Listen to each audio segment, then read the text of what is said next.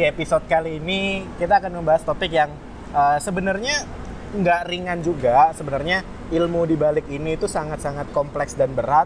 Tapi gue akan coba bawain bareng sama narasumber gue kali ini itu dengan cara yang ringan.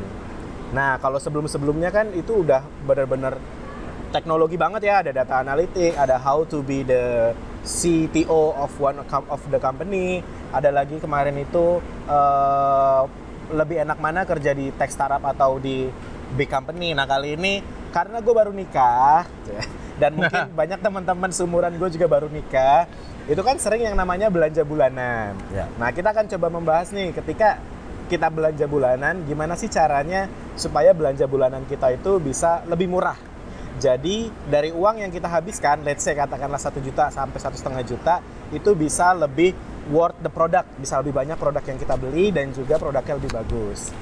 Dan narasumber kali ini adalah beliau ini adalah dulu uh, salah satu bos gue juga waktu gue masih di kantor yang lama.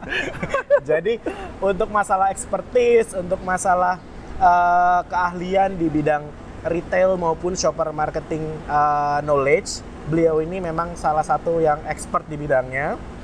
Nama beliau adalah Pak Yogi Santoso. Halo halo teman-teman apa kabar? Thank you Surya for the time. Senang banget nih di apa diajakin Surya untuk collab karena menurut saya topiknya juga menarik banget. Menarik. Walaupun ya sama ya, gue juga baru nikah tapi empat tahun yang lalu. Itu udah lama pak. udah lama ya. Ya. Uh, dan udah mulai ngerasain bahwa ternyata uh, apa belanja bulanan itu nggak nggak lagi simple. Yes. Kalau kita bisa put sedikit thought gitu, kita bisa dapat lebih banyak dengan uang yang lebih sedikit. Tapi kita harus memang pintar-pintar untuk memilihnya. Ya. Oke, sebelum masuk ke topik yang utamanya, coba sedikit gue ceritain background dulu dari narasumber. Pak Yogi Santoso, namanya tadi udah sempat uh, kita mention sama-sama. Beliau ini adalah uh, shopper marketing ya, I can say. Uh, ya, ya. Shopper, shopper, shopper marketing, marketing manager ya. Shopper marketing manager yang memang mengelit uh, gimana caranya insight itu bisa datang dari customer sehingga Pak Yogi nanti bisa menformulasikannya ke dalam strategi yang diimplementasikan di perusahaan. Jadi memang expertnya beliau di situ dan nanti beliau akan berbagi nih ke kita nih, ke kita-kita di sini apa sih yang membuat uh, perbedaan harga di toko-toko yang misalnya sama-sama besar katakanlah kalian lebih seneng belanja bulanan di hypermart, ada yang mungkin lebih suka di Giant, ada yang lebih suka di hari-hari dan lain-lain. Apa nih gimana caranya nih kita sebagai konsumen untuk mendapatkan harga yang lebih murah? Pertanyaan pertama Pak Yogi, sekarang itu kan uh, tren belanja bulanan tuh bisa gue bagi dua sebenarnya ya. Yeah. Ada orang yang memang belanja satu kali dalam sebulan. Yeah. Ada orang yang memang belanja bulanannya itu dipecah mingguan. Yeah. Dan untuk dua tipe belanja bulanan ini sebenarnya kan toko jenis toko yang dituju juga berbeda kan? Beda-beda. Kalau yang satu kali sebulan biasanya dia itu belanjanya di toko-toko yang besar, besar, sangat besar. Tapi kalau yang dia pecah mingguan, seminggu empat kali biasanya kan belanjanya mungkin di toko-toko yang ada di sekitarnya ya, dia betul, ya. Betul. Nah, betul. menurut lo nih Pak Yogi, uh, gua nggak tahu mana yang lebih baik, tapi just your thought, which one is better? Uh, Oke, okay. mungkin sebelum menjawab lebih jauh ya, mungkin gue bisa share juga tentang, jadi yang tadi dimention sama Surya itu bagus, betul. Jadi dalam setiap shopper, karena kerjaan gue adalah lebih ke shopper marketing, fokus kita di shopper. Nah, uh, shopper datang ke toko itu punya mission. Nah, shopper mission itu ada tiga. Ada yang tadi Surya udah bilang ada yang namanya rutin. Rutin itu biasanya sudah bulanan atau uh, gajian. Jadi ikutnya cycle gajian ada orang yang gajian bulanan, ada orang gajiannya uh, dua mingguan dan sebagainya. Dan yang kedua adalah top up. Top up itu nggak top up gitu loh. Dia ya. lebih frekuen belanjanya, tidak bulky, tapi uh, dia memilih barang-barang yang memang akan habis dalam satu atau dua hari. Dan jadi dia butuh immediate use. Nah yang ketiga experiential. Experiential itu memang jumlahnya masih sedikit banget, kurang lebih sekitar cuma 3-4 persen. Tapi uh, kelebihannya orang-orang yang punya shopping mission untuk experiential adalah biasanya mereka nyari promosi. Yep. Biasanya mereka nyari uh, produk-produk baru. Jadi mereka adalah orang-orang yang memang punya waktu lebih, punya space uang lebih gitu. Akhirnya mereka bisa exploring hal-hal yang baru. Nah, kalau ditanya mana yang lebih bagus sebenarnya uh, kita sebagai konsumen harus pinter sih mem, yeah. mem, me, apa men, mensiasati ini gitu loh. Contoh misalkan, kita tahu bahwa kita adalah eh, keluarga yang berpenghasilan bulanan. Anggaplah ya kayak gue lah, kerjaan satu bulan gajian setiap tanggal 20 misalkan. Ada yang gajian setiap tanggal 1. Seharusnya pada saat tanggal itu, itu eh, toko tuh gue tahu gitu loh. Beberapa toko, terutama toko-toko yang besar, itu mereka tahu, mereka tahu market di sekitar mereka itu eh, penghasilannya seperti apa. Dan biasanya di periode-periode itu, itu promosi banyak. Oke. Nah, manfaatkan itu. Jadi pada saat kita eh, ada belanja yang harus bulanan, kita datang ke toko besar di bulan tersebut di, di tanggal itu. Kenapa? Karena memang akan banyak sekali promo. Tapi pada saat kita top up, jangan jalan ke situ toko itu. Kenapa? Karena yang pertama kemungkinan besar kita dapat barang murah juga nggak terlalu ba- bagus banyak. Yang kedua juga kita akan wasting time. Dan biasanya orang kalau uh, dia rencananya mau cuman top up tapi belanja ke toko besar, itu dia akan end up beli lebih banyak daripada yang dia butuhkan. Betul. Akhirnya malah boros. Nah pada saat lagi top up gini, harusnya nyarinya ke toko kecil, minimarket, terutama minimarket minimarket yang eh, eh, kalau saya bilang lokal. Kenapa? Karena mereka punya price tier itu lebih murah dibandingkan eh, minimarket minimarket yang eh, lebih besar seperti itu sih. Oke, so interesting topik ya. Ternyata memang tuh kalian bisa lihat ya. Cuma eh, dari jenis tokonya aja, dari yang sangat besar atau kalau kita dulu nyebutnya super hyper ya. Ya. Compare tuh yang kecil-kecil yang ada di sekitar kita, itu pun ternyata mungkin dulu gua waktu belum di bekerja di company FMCG yang bergerak di FMCG itu gue juga dulu nggak tahu sebenarnya pak gue cuma yaudah gue butuh apa nih yaudah gue asal pergi aja ke toko gue tidak mempertimbangkan eh, apa kebutuhan gue harganya dan gue pergi ke toko jenis apa ternyata tadi yang bisa di highlight dari message-nya Pak Yogi barusan adalah pertama kenalin dulu nih cycle diri lu sendiri gitu kalau emang ternyata lu mau belanja bulanan yang cukup besar lu harus tahu juga tanggal-tanggal di mana di toko yang mungkin ukurannya lebih besar itu akan ada banyak promotion ya Pak ya Betul. jadi jangan sampai eh, Belanja bulanan ada toko minimarket misalkan. belanja bulanan toko minimarket gitu. Udah nggak lengkap, mahal lagi. nggak lengkap mahal lagi tapi kalau emang mau top up pun itu silakan cari toko-toko yang sesuai which is minimarket Ya. yang ada di sekitarnya dan kalau gua nggak salah minimarket itu kan sebenarnya juga ada promosinya ya pak ya? Banyak, Di hari-hari banyak, tertentu. banyak. biasanya JSM ya? Betul, betul. Jumat Kalau Sabtu Minggu. Kalau yang besar-besar biasanya itu ada mereka punya Jumat Sabtu Minggu atau di di dalam satu bulan tuh mereka punyanya biasanya spesifik ada produk of the month ya itu Hmm. bisa bisa dimanfaatkan. Dan biasanya mereka punya dan ini sangat mudah ya teman-teman tinggal uh, follow aja. Karena zaman digital ya ya betul. itu terutama ya yang saya tahu tuh di Line sih bisa nyebut merek kan sini ya? Boleh boleh bisa. Di Lines itu banyak sekali promotion jadi tinggal follow aja eh, eh, bannernya apa tokonya apa terus mereka biasanya throw semua promotion mereka di situ dan pinter-pinter aja. Menurut saya sih sekarang eranya smart consumer ya. Yes smart di mana consumer. eh, bukan bukan konsumernya semakin smart sebenarnya sih menurut saya. Karena Akses kebutuhannya. ya? nggak karena kebutuhannya, lebih Kebutuhannya, banyak. oke. Jadi zaman dulu mungkin contoh ya zaman dulu itu orang nggak butuh eh, nggak butuh eh, jalan-jalan keluar negeri atau jalan-jalan gitu. Itu kebutuhan yang menurut sebagian orang itu sangat tersier sangat mewah. Sekarang udah jadi sesuatu yang sangat common gitu loh. Nah sehingga beberapa Oke. orang akhirnya pengen spending uang ke situ. Nah dengan gaji yang ya let's say kenaikan gaji kita kan sta- standar gitu kan. Inflasi lah ya. Infl- inflasi plus udah dikit. udah tambah inflasi lagi kan. Jadi kan sebenarnya net-netnya kan kecil. Nah kita harus lebih pinter. Akhirnya jadi smart consumer itu bukan dikarenakan konsumernya semakin smart tapi karena karena eh, optionnya lebih banyak dan juga kebutuhan kita makin banyak gitu loh. Nah ini yang perlu disiasati. Jadi kita sebagai konsumen terutama harus pinter-pinter milih media mana atau toko mana atau retail mana yang memang akan menjadi dalam tanda kutip hero nya kita. Ya oke. Gitu. Oke, got it. Nah, terus tadi sebenarnya sempat dimention juga nih topik yang akan menar- yang sangat menarik sih menurut gua bahwa eh, daripada misalnya kita ke toko-toko yang let's say kita katakan modern lah ya. Minimarket tapi modern, ternyata lebih murah. Kalau mau lebih murah, cari toko-toko minimarket tapi lokal. betul Nah, itu kan sebenarnya cukup menarik ya. betul banget Bahwa eh, ini sebenarnya satu fakta yang orang nggak banyak tahu sih, Pak betul faktanya adalah eh, setiap correct me if I'm wrong ya pak ya ya ya setiap toko-toko minimarket yang modern itu buka satu toko minimarket yang modern itu buka itu secara tidak langsung membunuh ya? Ya. quote unquote membunuh. Quote unquote membunuh. Membunuh. 40 40 40 40 toko lokal di sekitarnya? Eh, oh. kalau nggak salah I'm not, I'm not mistaken kurang lebih sekitar 25 sampai 40 oke 25 until 40 sekitar itu ya? Ya Can you imagine satu toko biasanya nggak satu, biasanya dua kan. Ya, Kiri kanan kan? se- Sepasang. Sepasang kalau kiri kanan depan belakang biasanya. Itu bisa membunuh sekitar eh, 25 sampai 40 toko lokal di sekitarnya. Tapi yang orang nggak banyak tahu, yang gua pun baru tahu juga ketika gua bekerja di FMCG company, sebut aja ya, di Unilever bareng sama Pak Yogi saat itu adalah ternyata margin harga untuk kita sebagai konsumen itu yang bisa kita dapatkan dari sisi murahnya ya, itu lebih murah rata-rata 10% kalau kita belanja di toko lokal compare to belanja di minimarket modern. Am I betul. right? Betul, betul. Kurang lebih eh, segitu persen. Jadi memang ha- perbedaan harga itu dikarenakan banyak hal sebenarnya. Hmm. Jadi kalau kita bicara, saya akan bicara tentang eh, shoppernya dulu ya. Ya. Jadi mungkin orang banyak berpikir orang yang belanja ke supermarket lokal itu orang-orang kaya.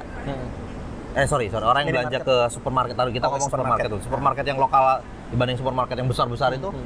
dikiranya itu orang-orang eh, eh, menengah ke bawah. Padahal salah sebenarnya. Atau minimarket misalkan. Dikira apa selama ini kita berpikir orang yang belanja ke minimarket lokal itu orang-orang menengah ke bawah dan minimarket eh, modern itu menengah ke atas. Studinya nggak berkata seperti itu. Oke. Justru studinya berkebalikan. Kenapa? Karena minimarket yang modern itu pada saat dia promo itu dalam sekali. Hmm. Bisa sampai 20%, tapi hanya certain produk. Produk. Makanya ya promo lovers ini orang-orang yang tahu mereka pinter nyari barang terus dia akan ambil dari situ.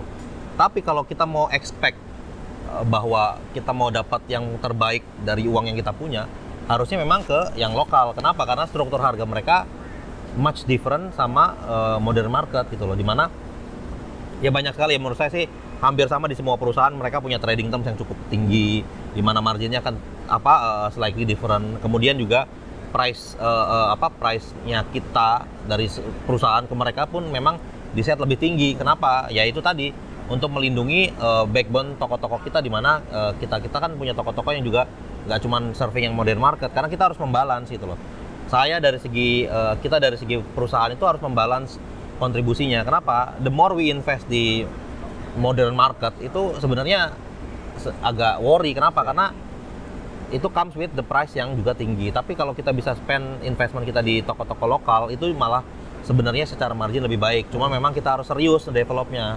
Jadi karena toko-toko ini tuh nggak tahu Ya. bagaimana bisa bersaing dengan toko-toko yang lain. Yang dia tahu adalah dia dapat dari barang dari ta- dari distributor atau dari perusahaan itu kemudian dia berusaha untuk semurah mungkin. Nah, itu yang menyebabkan mereka itu jadinya sebenarnya everyday low price gitu loh. Jadi kalau teman-teman datang ke toko itu, let's say teman-teman bawa uang satu juta gitu loh. Keluar itu beda bawanya. Ya. Kalau untuk SK, untuk barang-barang yang memang kita belanjain untuk eh, bulky kebutuhan rumah kita. Tapi kalau untuk barang-barang yang promo, of course karena yang sebelah itu yang modern itu kalau bikin promo kan cukup dalam tuh. Dalam banget. 15%, 20% itu pasti kalah toko-toko ini. Tapi kalau toko kalau untuk belanjaan yang rutin sebenarnya kita lebih murah belanja di toko lokal. Oke. Kenapa? Karena memang dia walaupun tidak ada promo langsung ke konsumen, harga darah harga tokonya itu sudah murah. Hmm, Oke. Karena logically-nya aja itu sebenarnya kan kita bisa lihat dari pertama jumlah pegawainya. Betul. Kalau toko lokal kan dua aja itu mungkin udah banyak banget gitu. Itu biasa. sudah sama ownernya biasanya. udah sama ownernya dua. Iya. Tapi kalau kita compare ke yang modern itu paling nggak ada empat, Ya, dua di betul. depan, dua di belakang. Betul, betul. Terus kalau kita coba lihat dari Infrastruktur. tokonya- infrastruktur tokonya, listriknya, Betul. lampunya, lampunya biasanya kan memang lebih terang. Betul. Kalau yang di toko modern, nah itu kan udah kebayang berapa watt. AC, mereka Lebih punya AC lebih betul. dingin. Jadi memang eh, secara logika goblok-goblokannya aja ya berarti operasional cost mereka udah mungkin Tinggi. bisa dibilang dua kali tiga kali dari toko lokal betul. yang menyebabkan margin yang akan mereka ambil itu pasti akan jauh lebih besar compare ke toko-toko yang lokal. Tapi enggak loh, sebenarnya kalau dari segi margin, nanti saya, saya agak agak eh, eh, putus potong sedikit ya. Ya. Dari segi margin enggak. Karena margin yang modern itu juga nggak terlalu besar gitu loh. Karena memang costnya yang tinggi. Hmm. Jadi keba, ke, ke, ke- sebenarnya kebalan sih antara dia punya harga tinggi, cost tinggi, marginnya anggaplah sama, eh, anggaplah A gitu loh. Toko yang lokal juga sama, harganya lebih murah, costnya lebih rendah, tapi ketemu marginnya Oh, hampir sama. ujungnya sama ya sebenarnya. Ujungnya sama. Makanya Mirip lah ya. ya, makanya sebenarnya lebih kayak gini sih. Kalau saya sih lebih ngelihat sebagai orang Indonesia ya, saya bilang eh, dan eh, eh, eh, belanja ke lo- toko lokal itu bukan cuman sekedar kita belanja kebutuhan, tapi itu ngebangun community sebenarnya. Maksud saya adalah eh, community yang saya maksud adalah misalkan gini. Bayangin teman-teman saya yakin teman-teman di rumah pasti punya toko-toko minimarket lokal atau supermarket lokal yang itu sudah ada dari zaman bapak ibu teman-teman Iya. tuh masih perawan atau masih bujangan itu loh. Bayangin mereka menjadi menjadi heritage. Dan teman-teman tahu orang-orang yang bekerja di situ lingkungannya tinggal di sekitar situ. Yang punya ownernya adalah orang situ juga. Akhirnya semua benefit semua profit maksudnya semua profit itu kan balik ke mereka dan itu akan terdistribusi lagi ke sekitarnya lagi. Yang itu yang saya bilang komunitas. Sedangkan yang kalau yang lain ya dengan tidak men- mengurangi rasa hormat saya bilang kita nggak tahu margin itu larinya ke mana. Iya. karena mereka ownernya aja bukan di situ. Yes. investornya kita nggak tahu siapa. Dan orang-orang yang bekerja kita cuma kebagian orang-orang yang kerja aja sekitar situ. Tapi kan hasil dari ekonomi itu kita nggak kerasa. Gitu. Coba teman-teman bayangin kalau ada orang punya supermarket kecil gitu atau minimarket lah kecil dia udah orang lokal gitu. Dia belanja orang d- kita belanja ke sana. Makin dia dapat profit makin dia mau expand kan dia punya Iya, bisnis kan. Betul. the expansinya bisnis dia itu akan mempengaruhi banyak sekali eh, apa eh, eh, eh, Lapangan kerja. lapangan kerja, kemudian opportunity, misalkan di depan bisa dibikin apa eh, booth-booth biasanya kalau Ya, teman-teman UKM ya, but- but UKM UKM itu. Itu yang sesuatu yang toko-toko yang lain nggak bisa. Nggak ada cerita ada anggaplah ada banner lah si merah misalkan teman-teman bisa jualan asongan di depan nggak ada Ya, ada. cuman ada di supermarket yang memang lokal gitu loh di mana mereka memberikan kesempatan untuk masyarakat sekitar itu berpartisipasi di situ dan itu menjadi simbiosis mutualisme menurut Ya. saya karena itu kan gain traffic gain eh, apa orang akan ter, trigger untuk masuk ke dalam toko jadi menurut saya sebagai kita smart consumer bukan cuma sekedar gengsi pengen belanja di tempat tempat yang fancy tapi menurut saya coba pikir adanya kita uangnya kita tuh harus kita spend di mana itu akan kembali ke kita lagi Ya, sebenarnya ya. secara langsung atau tidak langsung dan di dalam hal ini menurut saya sih masyarakat Indonesia Ya. kita harus bangun komunitas eh, ekonomi yang buat kita untuk kita Ya. dari kita Oke. gitu loh jadi sehingga eh, in the end gitu kita punya ekonomi yang strong karena kalau player besar itu kalau tutup hilang ya nggak sih hilang, hilang gitu ya. hilang gitu loh sa, sa- sa- semuanya hilang dan eh, akan menyebabkan lubang yang besar gitu untuk masyarakat sekitarnya. Tapi can you imagine kalau toko-toko ini hilang gitu loh? Impactnya jauh lebih banyak. Gitu. Jadi menurut saya kita itu mungkin sedikit ya kita mungkin Yes. share ke teman-teman eh, pendengar. Tolong lihatlah. Misalkan saya punya uang gitu loh. Nggak apa-apa lah saya extend sedikit jalan lebih lama 15 menit kok sehat juga. Ya. tapi saya bisa belanja di toko yang saya tahu bahwa mereka akan kembali ke kita lagi tuh kembali ke masyarakat Indonesia lagi sehingga itu ngebangun ekonomi kita lebih kuat sih ke depannya Ya. walaupun saya yakin kontribusi kita juga kecil tapi kan it start with small Ya. contribution Always kan. start with me kan. exactly Oke. Eh, sedikit menyampaikan mungkin concern-concern dari banyak consumer-consumer di luar sana bahwa biasanya mereka itu kan mikirnya gini Pak, mereka itu mikirnya gua akan ketika gua sudah memutuskan untuk belanja top up, pastikan ke toko-toko yang ada di proximity di betul sekitarnya dia. betul proximity Karena kalau bulanan kan pasti tadi akan lari ke toko-toko super Besar. hyper sebulan sekali dan di periode yang benar. Note-nya tadi dari Pak Yogi adalah ketika lo mau uh, monthly jadi monthly buyer itu lo harus cari periode yang tepat, lo harus tahu kapan promonya. Tapi ketika lo sudah memutuskan untuk berbelanja top up, itu pasti lo akan cari di sekitar. Nah, biasanya nih Pak, di mindset orang gitu. Di mindset para consumer uh, secara luas itu kan ah, gua mendingan belanja di tit gitu. di merah biru lah ya sebutlah gue mendingan beli belanja di merah atau gue lebih baik belanja di biru karena apa yang gue cari itu pasti ada betul compare tuh toko-toko yang sejenis tapi lokal katakanlah apa sih namanya biasanya? Lily Mart gitu. Betul. Katakanlah kalau gue compare belanja ke Lily Surya Mart. Surya Mart banyak juga tuh di Kediri tuh. Daripada gue belanja di Surya Mart. Iya, iya. nah ini kan sebenarnya sesuatu yang salah kan di mindsetnya. Mungkin Pak Yogi bisa jelasin sebenarnya yang kejadiannya itu seperti apa sih Betul. kok mindset tersebut bisa betul. terdeliver sampai tertanam sih? Gue bisa bilang sampai tertanam di otak konsumer. Termasuk gua sebelum gua uh, ada di bisnis FMCG itu sendiri. Betul. baru akhirnya gua tahu oh ternyata ini loh faktanya gitu. Betul, kalau menurut saya sih sebenarnya insight itu benar dan uh, it's exactly what really happen. Kalau kita main ke let's say merah dan biru memang mereka uh, barangnya ada gitu loh. Jadi di space yang sangat terbatas itu mereka bisa membuat barang itu memang yang apa yang yang laku aja yang mereka jual. Dan itu menurut saya itu dikarenakan mereka punya resource yang luar biasa bagus gitu loh. They are professional, well trained mereka punya big data, kan Surya mungkin tahu karena ada big data manajemen yang mereka bangun sehingga mereka punya eh, eh, analisa gitu barang-barang apa aja yang laku. Dan akhirnya mereka itu apply ke tokonya sehingga kayaknya ada apa aja ada gitu loh sebenarnya. Walaupun sebenarnya mahal. Nah, justru sebenarnya this kind of analysis, this kind of uh, cap- capability yang tidak dimiliki sama toko-toko uh, lokal gitu. Itu yang menyebabkan sebenarnya mereka agak ter, ter apa tertinggal. Jadi bukan cuma karena cuma sekedar karena promosi, karena memang bayangin teman-teman barang baru tuh banyak tambah gitu. Tapi mereka nggak tahu bagaimana mengaturnya itu. Yang bayangin dalam satu tahun lihat saya ada 500 barang baru. Toko mereka nggak nambah. Toko mereka ya segitu-gitu aja. Bagaimana mereka mengatur barang masuk barang keluar itu mereka belum bisa. Sedangkan si merah si biru ini memang mere- mereka profesional sehingga mereka mampu melakukan itu. Untuk oleh karena itu sebenarnya saya mungkin mewakili dari ek- apa eh, apa ya enterprise corporate gitu loh, calling everybody gitu loh untuk eh, let's help them gitu loh. Sebenarnya bukan karena mereka nggak sanggup, eh bukan karena mereka nggak mau, tapi mereka nggak sanggup. They are not having apa ya eh, teknologi, nggak punya eh, resource-nya untuk mela- melakukan itu gitu loh. Itulah kenapa di kita di saya sedikit sharing juga ya. Itu kenapa kita di di di, di Unilever gitu itu sangat concern sama toko-toko ini di mana kita mau membantu mereka. Sebenarnya mereka punya modal yang cukup baik. Kenapa? Harganya pasti bagus. Yang kedua adalah mereka itu sebenarnya pilihan konsumen. Karena biasanya orang datang ke situ tuh sudah biasa. Ya. Jadi kalau teman-teman datang ke Merah Biru kan cuma transaksional aja, Bu, saya Iya. beli di dadah. Kalau tahu itu siapa yang jaga Eh, kalau ke toko yang kayak gitu biasanya ngobrol, sering ada eh Pak apa kabar Pak gitu gitu. Jadi mereka udah punya eh, bonding yang bagus itu loh.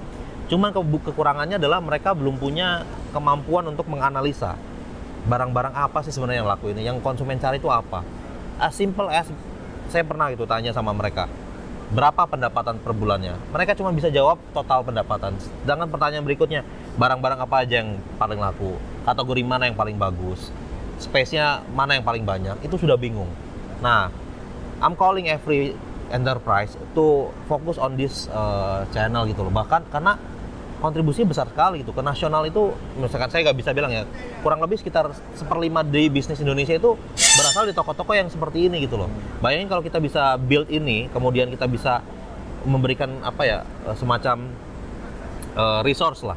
Kita bisa memberikan resource ke mereka sehingga mereka bisa terbantu menganalisa produknya, menganalisa eh, apa eh, eh, barang yang laku dan membantu mereka untuk apa ya kalau dalam di apa di kita tuh bilang kategori manajemen lah. Kalau kita bisa bantu mereka, mereka bisa mereka bisa apa ya namanya survive.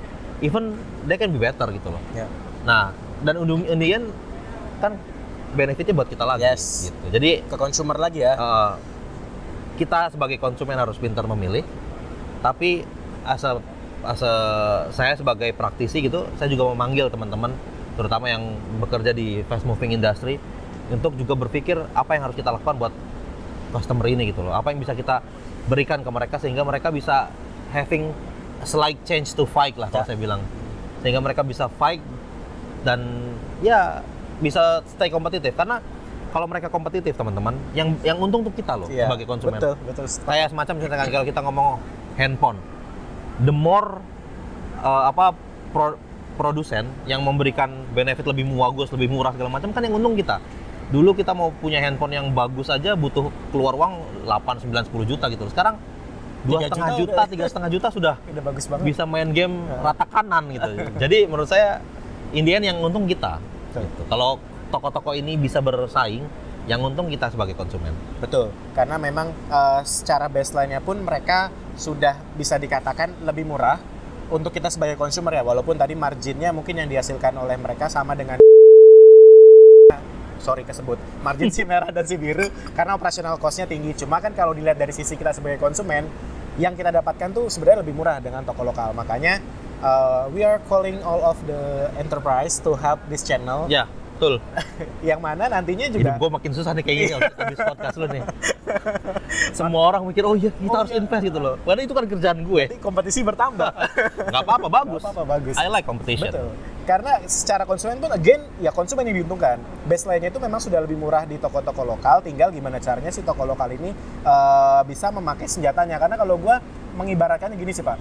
Si merah biru itu yang lebih modern itu dia itu sudah pegang pedang sudah pegang pistol tapi udah di tangan nih udah Hmm. tahu cara megangnya Betul. nah si toko lokal dia punya juga nih si pedang sama si pistol tapi, ada di tahu. gudang gitu Ah, dia atau nggak tahu cara atau pakainya. nggak tahu cara pakainya ini pistol gue mencet apa ya Ah, gitu. ah, betul. karena senjatanya mereka punya harga mereka punya lebih murah barang mereka lebih banyak sebenarnya kan cuma nggak tahu gimana cara memanage itu di betul, ngaturnya. gitu karena fun fact-nya adalah punya maksimal 5000 ya 3500 sampai 5000 Ya kurang lebih unik produk produk ya.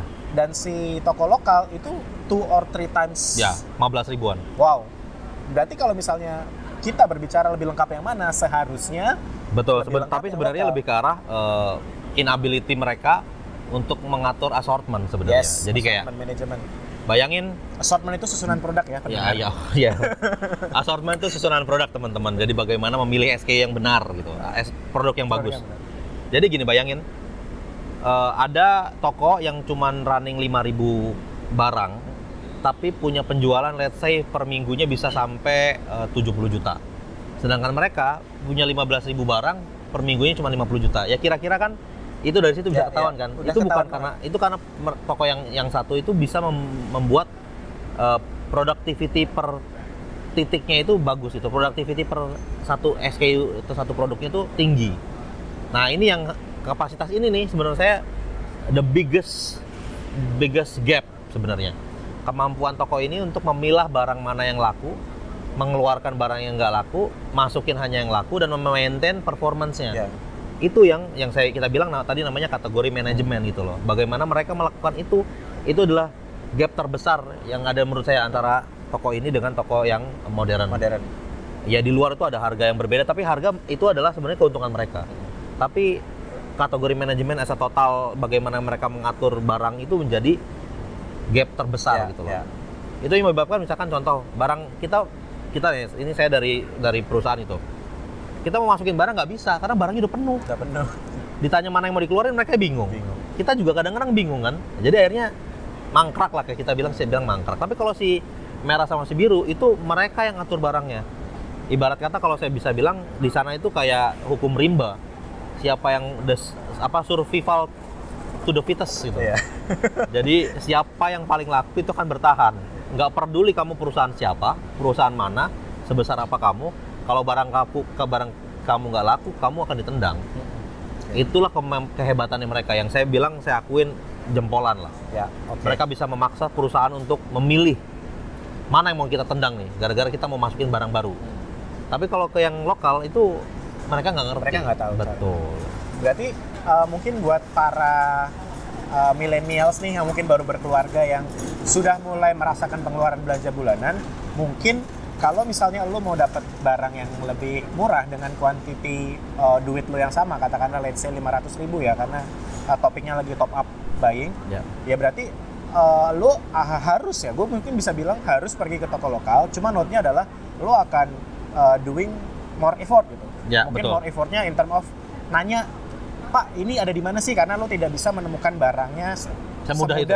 di merah sama si biru betul gitu. betul. Karena kalau merah sama si biru, Pak, gue tuh selalu bilang ke mereka waktu zaman gue masih suka sharing ke toko-toko lokal, mereka itu kayak punya semacam standar. ilmu magic. Betul. Ilmu magic. Gue tuh selalu kayak gini. Eh, mungkin ini bisa sambil dibayangkan ya. Ini pertanyaan yang eh, sama seperti yang gue tanyakan ke toko-toko lokal. Nih coba para pendengar coba bayangkan. Sekarang lu bayangin lo lagi ada di depan pintu si merah atau si biru. Si ide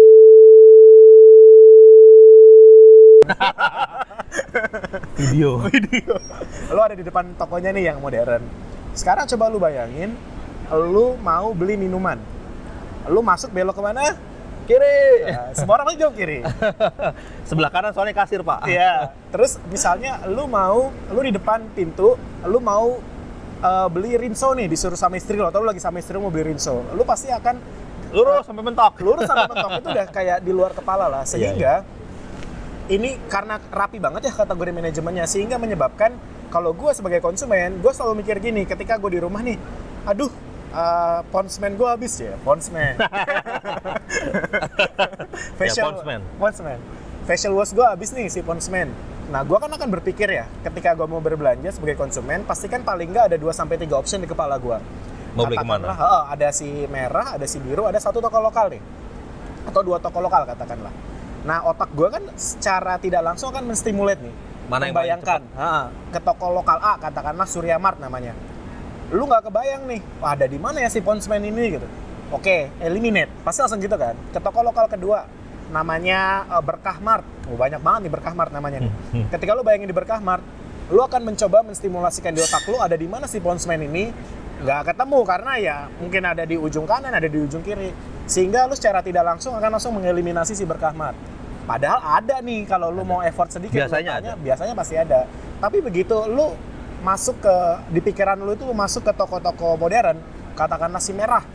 Lu di otak lu langsung, oke, konsumen, gue tinggal masuk lurus nggak nyampe mentok ada di sebelah kanan. gitu.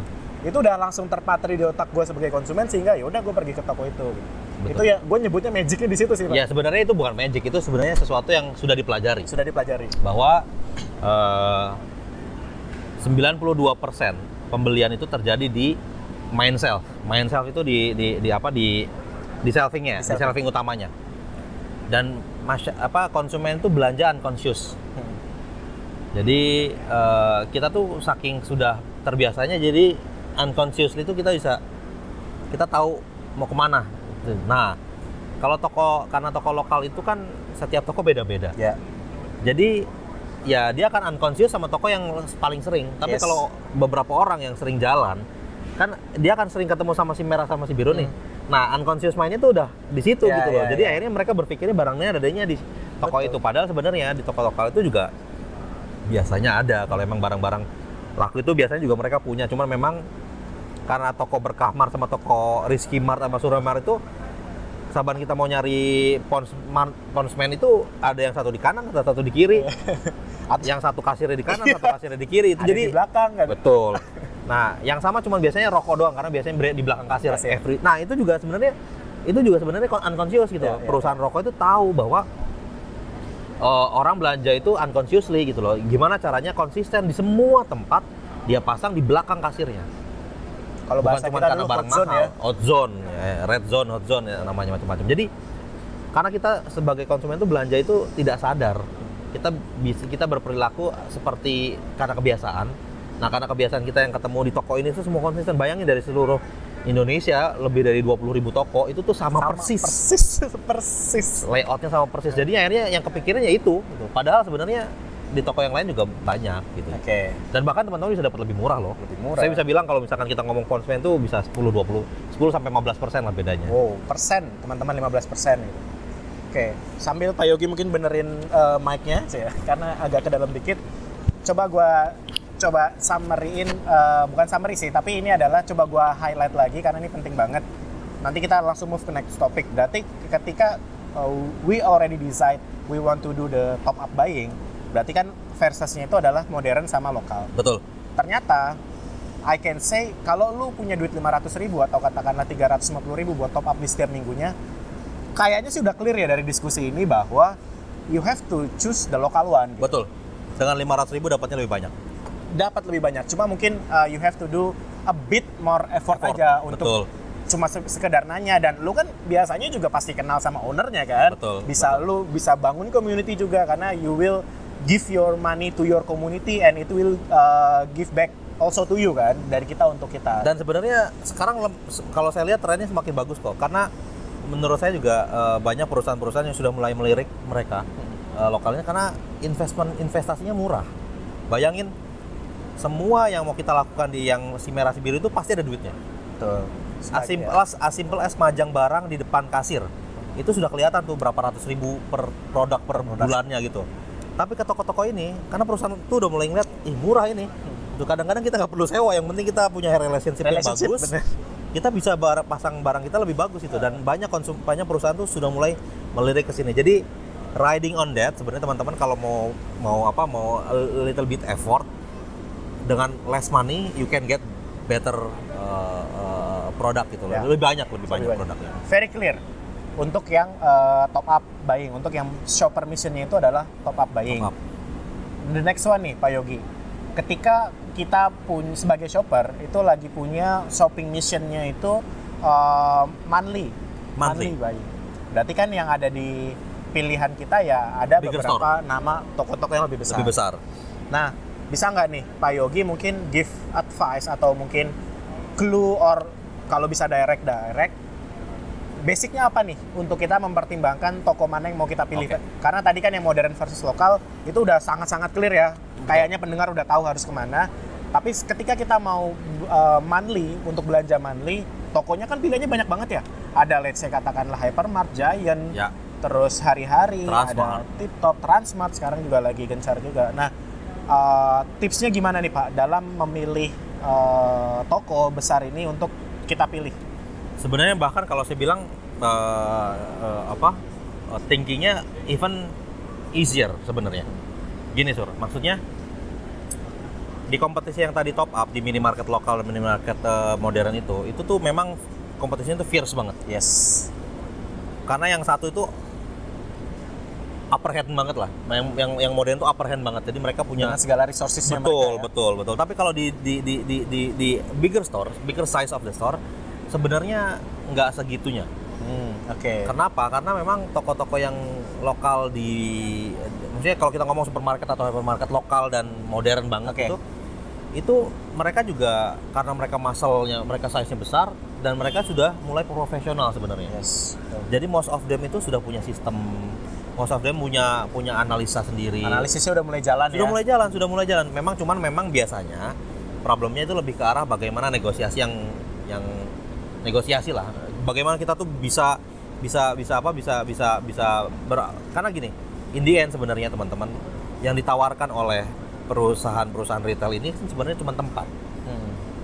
all the tempat sama produk dipajang. Tempat lah. In in in, in principle per tempat tapi semua strategi di, di baliknya itu kan baliknya ke perusahaan semua perusahaan berlomba-lomba untuk membuat strategi terbaik sehingga mereka bisa win di situ nah karena kalau yang lokal-lokal ini kadang-kadang karena memang mindsetnya masih tradisional jadi somehow beberapa perusahaan itu reluctant Hmm. untuk bisa go go yang Ya, extra ya, mile ya. rather than misalkan sebenarnya kalau kita ngomong sama perusahaan yang besar yang yang gede-gede itu They have vision biasanya kan. Betul, karena mereka biasanya sudah lebih lebih apa ya, lebih terbuka sama ide baru, lebih terbuka sama eh, pola pandang yang baru bahwa zaman dulu itu yang paling penting adalah back margin misalkan. Semua semua disewain. Tapi ada masa di mana eh, traffic mulai turun gara-gara eh, krisis ekonomi dan sebagainya. Mereka ber- beradap gitu, mereka berubah. Oh ya oke, yang paling penting itu bukan bukan back margin, yang paling penting ada front, front margin di mana saya membuat membuild traffic gitu. Saya fokus ke selling out barang saya rather than saya stock up misalkan. Jadi itu tuh mereka lebih terbuka. Nah, sedangkan yang toko-toko yang besar yang lokal ini kadang-kadang beberapa nggak semua ya, karena mereka banyak sekali. Itu agak agak sedikit tertutup dengan proses itu. Mereka masih terpapar dengan cara lama di mana mau masuk eh yaudah bayar Bayar ya. gampang lah gitu. Ya mau laku nggak laku yang penting bayar. Padahal itu kan harusnya dari segi sebuah seorang entrepreneur, saya harus memilih barang yang paling laku. Itu yang ada di dalam toko dong. Jangan cuman gara-gara yang punya barang itu bisa bayar, bukan berarti kalau nggak laku saya tetap pasang karena setiap sentimeter yang saya pasang itu kan ada harganya sebenarnya. Ya, betul. Ada harga dan ada productivity-nya. Saya korbankan saya korbankan productivity-nya, saya dapat uang cash di depan, itu ujung-ujungnya nggak ada bedanya. Nggak ada bedanya. Ujung-ujungnya shopper nggak akan ke sana. Betul, trafficnya turun itu yang menyebabkan banyak sekali toko-toko lokal, supermarket lokal kita tuh trafficnya turun karena mereka itu gitu loh, clueless dengan apa yang sih yang harus dipajang itu loh. Somehow mereka beberapa nggak open dengan opportunity bahwa di mana sekarang itu modelnya sebenarnya ke selling out gitu. Selling out itu apa sih? Selling out itu kita membuat toko kita tuh trafficnya tinggi. Karena ya retail itu banyak ya. Eh, Surya mungkin Surya juga udah tahu dan teman-teman tahu bahwa ada yang namanya kita eh, apa toko yang kecil tapi jualannya gede banget gitu Iya. karena mereka jualannya bulky gitu. Mereka pakai truk berangkat ke sana berangkat ke sini. Ada yang kayak gitu. Itu model itu namanya route market strategi. Tapi ada juga toko-toko yang eh, uangnya itu berasal dari setiap orang yang datang gitu loh. Nah, dulu zaman dulu itu supermarket, hypermarket kita tuh mix. Karena memang mungkin eh, kita secara Indonesia itu coverage-nya masih rendah Ya. yang menyebabkan mereka masih punya opportunity untuk jualan barang tuh lewat backdoor kita bisa biasa bilang Backdoor. backdoor backdoor itu lewat belakang lah ya bulky pakai truk biasanya berangkatnya nah tapi warna putih biasanya. tapi sekarang itu kan karena coveragenya makin tinggi kemudian teknologi juga sudah mau motong banyak sekali jalur distribusi sekarang toko kecil itu nggak mesti belanja ke toko yang lebih besar, toko yang lebih besar belanja ke toko yang lebih besar lagi, baru ke toko yang paling besar. Udah nggak gitu, sekarang toko paling kecil bisa belanja ke toko paling besar. Iya. Nah, itu menyebabkan akhirnya mereka berpikir, oh traffic saya turun gitu loh. Akhirnya sebu hampir semua perusahaan-perusahahan retail besar ini ber switch shifting mereka punya fokus menjadi bagaimana kita membuat toko itu menjadi semenarik mungkin sehingga traffic yang datang itu men- meningkat dan itu akan memberikan mar- apa eh, eh, revenue yang lebih besar dikarenakan memang traffic yang meningkat. Nah, menurut saya sih di dalam hal ini kalau kita ngomong apa yang harus kita lakukan sebenarnya prinsipnya sama. Toko-toko yang lokal itu pasti lebih murah.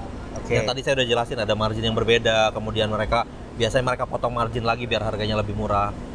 So value for money-nya itu Dapet even ya. easier harus harus ke sana. Cuma memang biasanya yang menjadi deal breaker adalah environment Yes. karena orang itu apalagi keluarga-keluarga muda itu belanja nggak cuma sekedar belanja belanja sambil nonton film Ya. belanja sambil makan di restoran dan sebagainya nah ini yang biasanya nggak ada di eh, lokal-lokal Toko supermarket, supermarket lokal. Nah, jadi kalau teman-teman balikin lagi teman-teman saya punya side eh, mission gak nih selain belanja kalau saya punya side mission ya better satu tempat itu which is ya yang besar-besar itu tapi kalau memang cuma mau groceries menurut saya is easy choice And go cheap. to local and Cheaper. cheaper. cheaper pasti cheaper dan sekarang mereka sudah mulai banyak promo Ya. jadi then you get the, Sudah the best mulai sadar benefit lah Pak ya. Betul betul, udah mulai sabar. Sadar saya ngerasain sendiri kok bahwa eh, sekarang customer itu kalau kita tanya maunya seperti apa, itu mereka pengen ta- tokonya rame. Dulu biasanya jawabannya langsung pengennya marginnya besar. Karena marginnya besar itu implikasinya banyak tuh. Iya. iya. Tapi sekarang biasanya mereka akan bilang saya pengen tokonya rame. Karena toko yang rame itu akan sustain jualannya. Apalagi kalau toko itu sudah apa ya? Saya pernah ke satu toko itu di eh, di Jawa Tengah itu weekend gajian itu ngantrinya panjang banget. Oh. Ini lokal Pak. Lokal, lokal. Wow. Dan ini semua toko lokal tuh begini. Kalau udah weekend gajian itu jangan harap ngantrinya itu cepat. Mereka bahkan buka semua kasirnya aja masih kurang. Si antriannya. ya. Artinya apa? Artinya memang proven gitu loh toko-toko ini tuh pasti malah lebih murah, pasti barangnya lengkap. Cuman bedanya memang mereka kita harus nyari waktu. Ya. ya. Pintar-pintar cari waktu sama kita missionnya tuh apakah memang pure groceries atau ada side mission? Ya, ya. Eh lu kan misalkan masih muda kan sambil mau nonton Rambo nih bentar lagi mau keluar nih. Tapi sekalian belanja ya udah mau nggak mau itu easy choice. Berangkat ke situ tapi mungkin harus very apa kalkulasi itu uangnya jangan sampai nanti over Ya. Tapi kalau misalkan memang groceries doang, Ya. easy. Ya, berarti menurut gue sih sebagai smart millennials ya, and Mhm. smart shopper, smart consumer, berarti tadi udah clear banget tuh guidance dan advice dari Pak Yogi nih bahwa ya kalau lu balik lagi uangnya tuh mau lu apain? Kalau emang lu ternyata mau dapat uh, harga groceries belanja bulanan yang lebih murah, iya itu berarti you have to dedicate your time untuk Betul. mencari toko Effort. lokal, uh, effort dan juga waktu untuk belanja di toko lokal. Tapi kan yang sekarang banyak kejadian itu adalah ya itu tadi banyak sampingannya gitu. Wah, Banyak sampingannya. gue mau belanja sekalian mau beli baju ah gitu. Atau gue mau belanja sekalian mau makan di sushi tei misalnya berarti gue akan cari misalnya Ya, di mall yang ada sushi tei-nya ya. kalau gue sih setelah tahu ini ya pendengar nanti setelah tahu ini mungkin ya lu udah bisa mulai split tuh kepentingan-kepentingan lu. Karena as simple as lu bisa saving 200 ribu katakanlah 200 ribu dari belanja bulanan lu. Sekarang kan orang belanja bulanan satu setengah sampai 2 juta ya dengan lu datang ke toko lokal supermarket yang lokal itu lu bisa saving let's say 100 sampai 200 ribu katakanlah karena perbedaannya kan rata-rata di 10 sampai 15 Ya, persen ya, Pak, betul. ya.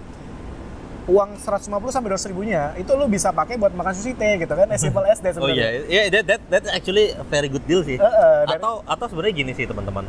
Kadang-kadang yang kayak gitu tuh kan nggak kerasa ya. nggak kerasa Eh, karena belanjanya cuma sebulan dua kali gitu. ya. Tapi bayangin kalau teman-teman bisa saving 100 ribu per satu kali belanja gitu loh. Dalam eh, tiga bulan gitu teman-teman bisa bayarin tiket ke Jogja satu orang. Jadi Satu kalau orang. kita teman-teman berdua satunya sudah dibayar dari saving yang tadi gitu loh. Tinggal bayar yang lain. Artinya data tadi tuh pintar-pintar memilih gitu dengan semua teknologi dan semua eh, eh, apa eh, eh, informasi yang sudah banyak sekarang tuh kita yang sebenarnya sebagai konsumen itu yang harus berubah behaviornya Ya. jangan konsumtif Yes, terutama yang millennials nih. terutama milenial. Gue masih milenial sih sebenarnya. Iya pak, ini masih Masih milenial yang agak ke belakang sedikit. agak ke belakang. Nah, kita punya teman itu namanya Pak Agus gitu ya. Nah itu kan sudah agak sedikit tua, nah itu udah beda lah. Nah Itu berarti harus pintar-pintar sih Ya. teman-teman karena eh, menurut saya sih sekarang yang paling yang paling cerdas, yang paling cermat Betul, yang betul, bakal betul. berhasil. Ha, ha. Jangan sampai millennials ini kan sekarang bisa gue bilang kebanyakan gaya ya pak ya. Bayangkan gaya, Termasuk gue mengakui sebelum menikah karena ya menikah tuh merubah banyak hal sih buat gue. Sebelum Betul. menikah tuh gue juga spending gue udah nggak jelas. kayak lo pa- orang paling kaya lah Iya, ya. kayak gue orang paling kaya lah. Ini kayak, kayak sekarang kita lagi di The Breeze nih, ngomong-ngomong pendengar. Dulu ini, lu percaya apa nggak? Udah pernah gue cobain semuanya.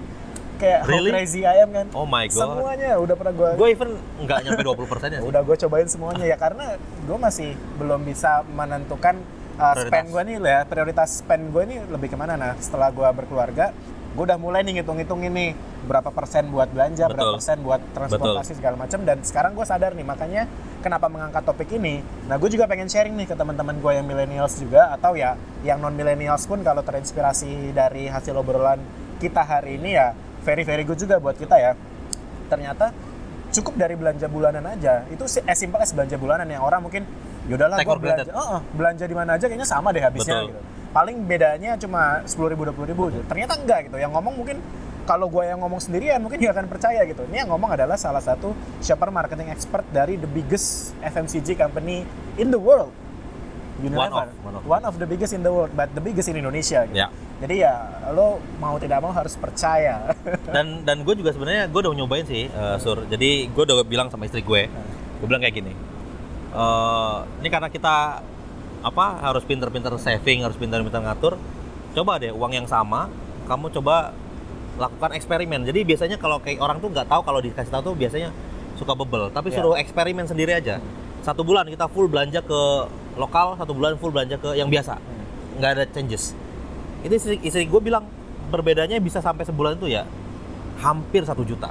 wow. Serius, saya bilang serius karena ya kebutuhan kita, gue punya anak tiga, Ya, terus ya. di rumah itu ada Ah. banyak sekali orang dan segala macam, ya, sehingga kita tuh hampir hampir setiap bulan tuh kita rutin groceries gitu loh.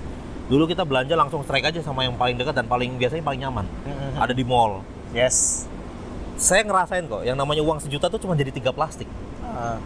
Tapi kalau teman-teman belanja ke yang lokal itu tuh itu turah-turah. Bawahnya udah bingung ya, ini Oh gimana? itu mungkin kalau ke teman-teman misalkan ya belanja satu juta udah dibawain sama karyawannya itu kayaknya.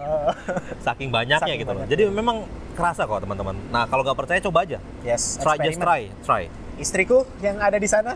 Dengan uang yang sama, kebutuhan yang sama, coba dibelanjain di dua tempat yang berbeda. Saya yakin teman-teman bakal langsung kerasa bedanya kok. Dan the good things about this adalah itu kembali ke kita lagi, ke Ya. ke masyarakat Indonesia, nggak dibawa lari ke mana-mana, Ya. gitu. Jadi be smart teman-teman, lebih baik kita apa spending less, tapi kita bisa dapat saving. Yang saving itu sebenarnya you have limitless option untuk jadiin apa kan? gadget baru, jangan-jangan bisa bikin bisnis baru dari saving ini kan? Betul, katakanlah say tadi sebulan kalau yang kebutuhannya udah banyak nih kayak Pak Yogi kan anaknya tiga, bisa saving sampai satu juta sebulan. Setahun aja itu udah 12 juta loh. Berangkat ke Bali sama hotelnya. Iya, gratis. Satu Atau kalau lu mau mulai start bisnis, itu udah bisa beli modalnya udah lumayan Iya. banget gitu. Kalau Jadi YouTuber bisa dong? YouTuber mungkin di kameranya belum.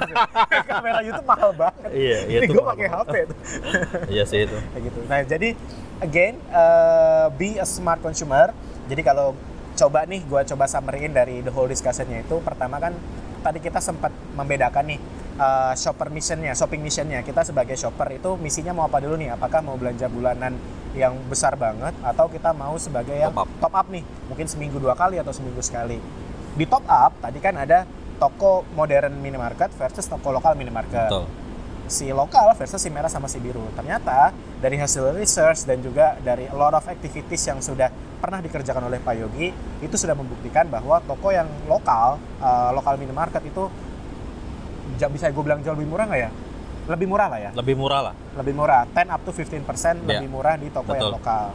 Pun kalau shopping mission kita adalah monthly buying, sebulan sekali kita belanja besar, ternyata surprisingly juga buat uh, para pendengar di sini mungkin loka- lokal supermarket versus uh, modern supermarket itu masih menang yang Ya. lokal. Dan tipsnya adalah kal uh, untuk kita sebagai smart consumer dan juga smart millennials atau buat semua orang yang nanti mendengarkan, ini adalah pertama lo be clear dulu nih, lo be clear apa yang akan menjadi tujuan lo ketika lo belanja. Kalau emang lo cuma mau belanja aja, ya udah, lo cari toko lokal di sekitar lo, Betul. baik itu yang besar kalau emang lo monthly atau itu yang kecil kalau top up, yang jadi udah belanja aja gitu. Ntar kalau lo mau makan ya bisa habis itu sebenarnya kan, kan Betul. amount of money yang dihabiskan itu Bisa pakai untuk makan. jauh. Hmm, bisa untuk dipakai untuk makan. Bahkan tadi extreme case-nya Pak Yogi sharing untuk case-nya dia karena keluarganya udah banyak, itu bisa saving sampai Keluarga gue satu, anak membernya banyak ini. Member keluarganya banyak, ya. Bahaya nih kalau keluarganya banyak. Dikira nanti gue menganut Iya. salah satu Aliran. aliran. Nggak, Jadi bercanda, dengan jumlah keluarga yang ba- jumlah anggota keluarga yang banyak itu bisa saving sampai satu juta dan itu eksperimen. Let's eksperimen di Do experiment yourself. Gue mau be- coba be- nih pak, nanti gue coba nih. Coba, eksperimen silakan. nih, toko Coba, lokal silakan. versus toko modern nanti hasilnya gimana dan semoga pendengar juga bisa melakukan eksperimennya sendiri sehingga uh, uang yang di spending juga bisa jadi lebih smart ya. Karena ya boy ya sekarang itu kebutuhan banyak sekali kan. Banyak Jadi sekali, memang apa-apa harus pinter-pinter sih teman-teman eh, apa kalau nggak bisa ngatur uang sendiri ya repot juga nanti. Ya. Itu dia. Jadi kayaknya sih udah lumayan kebuka ya matanya dari pembicaraan kita di hari ini. Nah, terakhir nih Pak Yogi. Uh, closing statement aja, closing statement Oke. buat para pendengar. Oke. Tadi kan sebenarnya udah go deep banget nih ya, detail Ya, seperti ya. apa. Terserah closing statementnya apa. Apakah, apakah lo mau coba summarize lagi atau misalnya ada satu clue atau tips yang mau Sure, lo sure. sampaikan ke pendengar nih secara umum. Oke, kalau closing tip mungkin gue lebih ke arah gini sih teman-teman. Eh, saya mau I'm calling you everybody, every Indonesian itu untuk comeback lagi ke root kita. Siapa kita gitu? Maksud saya, saya bilang gini, kenapa? Karena yang kita butuhin sekarang adalah ekonomi yang kuat kan. Ekonomi yang kuat itu tidak ditentukan oleh menteri keuangan Siapa? gitu? siapa atau eh, siapa pemegang saham terbesar siapa atau startup terbesar apa bukan our economic strength itu munculnya dari every single individual Oke. bagaimana kita bisa smartly shopping atau smartly choosing the right uh, places itu itu akan menentukan banyak sekali shape ekonomi kita, kita ke depannya gitu loh. So, I'm calling you everybody itu untuk untuk coba lebih try to have a bigger purpose than yourself gitu loh. Oke. as simple as cuman aktivitas belanja teman-teman put your thought on that gitu loh. Saya punya uang let's say saya mau belanja 500 ribu gitu loh. Apakah lebih bagus saya belanjain ke tempat yang benefitnya buat masyarakat sekitar atau buat orang lain yang I don't know who gitu loh. Walaupun ya dealnya kan beda gitu kan sana lebih nyaman lebih bagus lebih terang eh, which is absolutely fine That's why callingnya di teman-teman gitu loh. Bagaimana teman-teman itu in every single thing that you do to put your thought on that. Put a bigger purpose than yourself, your needs. At least dari situ kita bisa kita terutama teman-teman milenial yang sekarang lo tau nggak kontribusinya udah hampir 30% Yes. loh. Besar sekali. They have a lot of money. Most of them lot of money. Nah, bagaimana teman-teman spending your money itu akan shape the industry dan shape the uh, community, shape the economy of Indonesia. So, so teman-teman be very smart on this. As simple as groceries ternyata sebenarnya Ya, bisa membantu banyak orang. sama itu banyak orang. Dan Dan membantu diri kita sendiri betul, juga betul. saving. Dan kalau kalau saya bilang gini, saya Muslim. Kita punya kita punya prinsip bahwa semua tuh berasal dari niatnya. Hmm. Kalau kita belanja, as simple as belanja tuh niatnya adalah oke saya mau belanja mau ngeluarin uang, tapi saya tahu uang ini akan kembali ke masyarakat, saya niatkan baik, itu insya Allah jadi pahala. Ya. Nah, Jadi dapat dapat barangnya, dapat murahnya, dapat pahalanya. Ya. Kalau cuman sekedar jalan 15 menit lebih panjang atau waktu di dalam agak panas sedikit, fine lah. Ya. Harusnya sih nggak ada masalah. Ya. Itu sih. Moga-moga yang sedikit ini bisa membantu teman-teman dan uh, thank you for the time. Uh, uh, Surya senang banget bisa ketemu sama eh, Surya is my old friends. Moga-moga kita bisa tetap keep in Yes. kontak ya. Uh, Uh, dan- apa uh, dan nanti suatu saat kita bisa Udah ada udah ada nama podcast channelnya belum? Oh, Belum ya? belum, belum, belum. Karena Pak Yogi nih Belum, juga, belum, juga lagi create podcast channel karena he likes sharing so much. Nanti mungkin gue akan share channelnya Pak Yogi Boleh, boleh, boleh. Thank you loh. Instagram gue atau nanti di next uh, podcast channel gue akan mention juga. Sure, sure. Karena he just start Yes, yes, yes. podcast. Saya juga belajar dari Surya. Moga-moga bisa sebagus. Belum bagus ini, baru mulai juga sih Pak. Oke. Oke, itu aja untuk GSP Podcast kali ini. Semoga para pendengar para pendengar kali ini bisa menjadi smart consumer yang bisa lebih pintar lagi untuk spending uangnya khususnya ketika berbelanja baik itu bulanan maupun top up buying. Itu aja dari kita kali ini. Cus.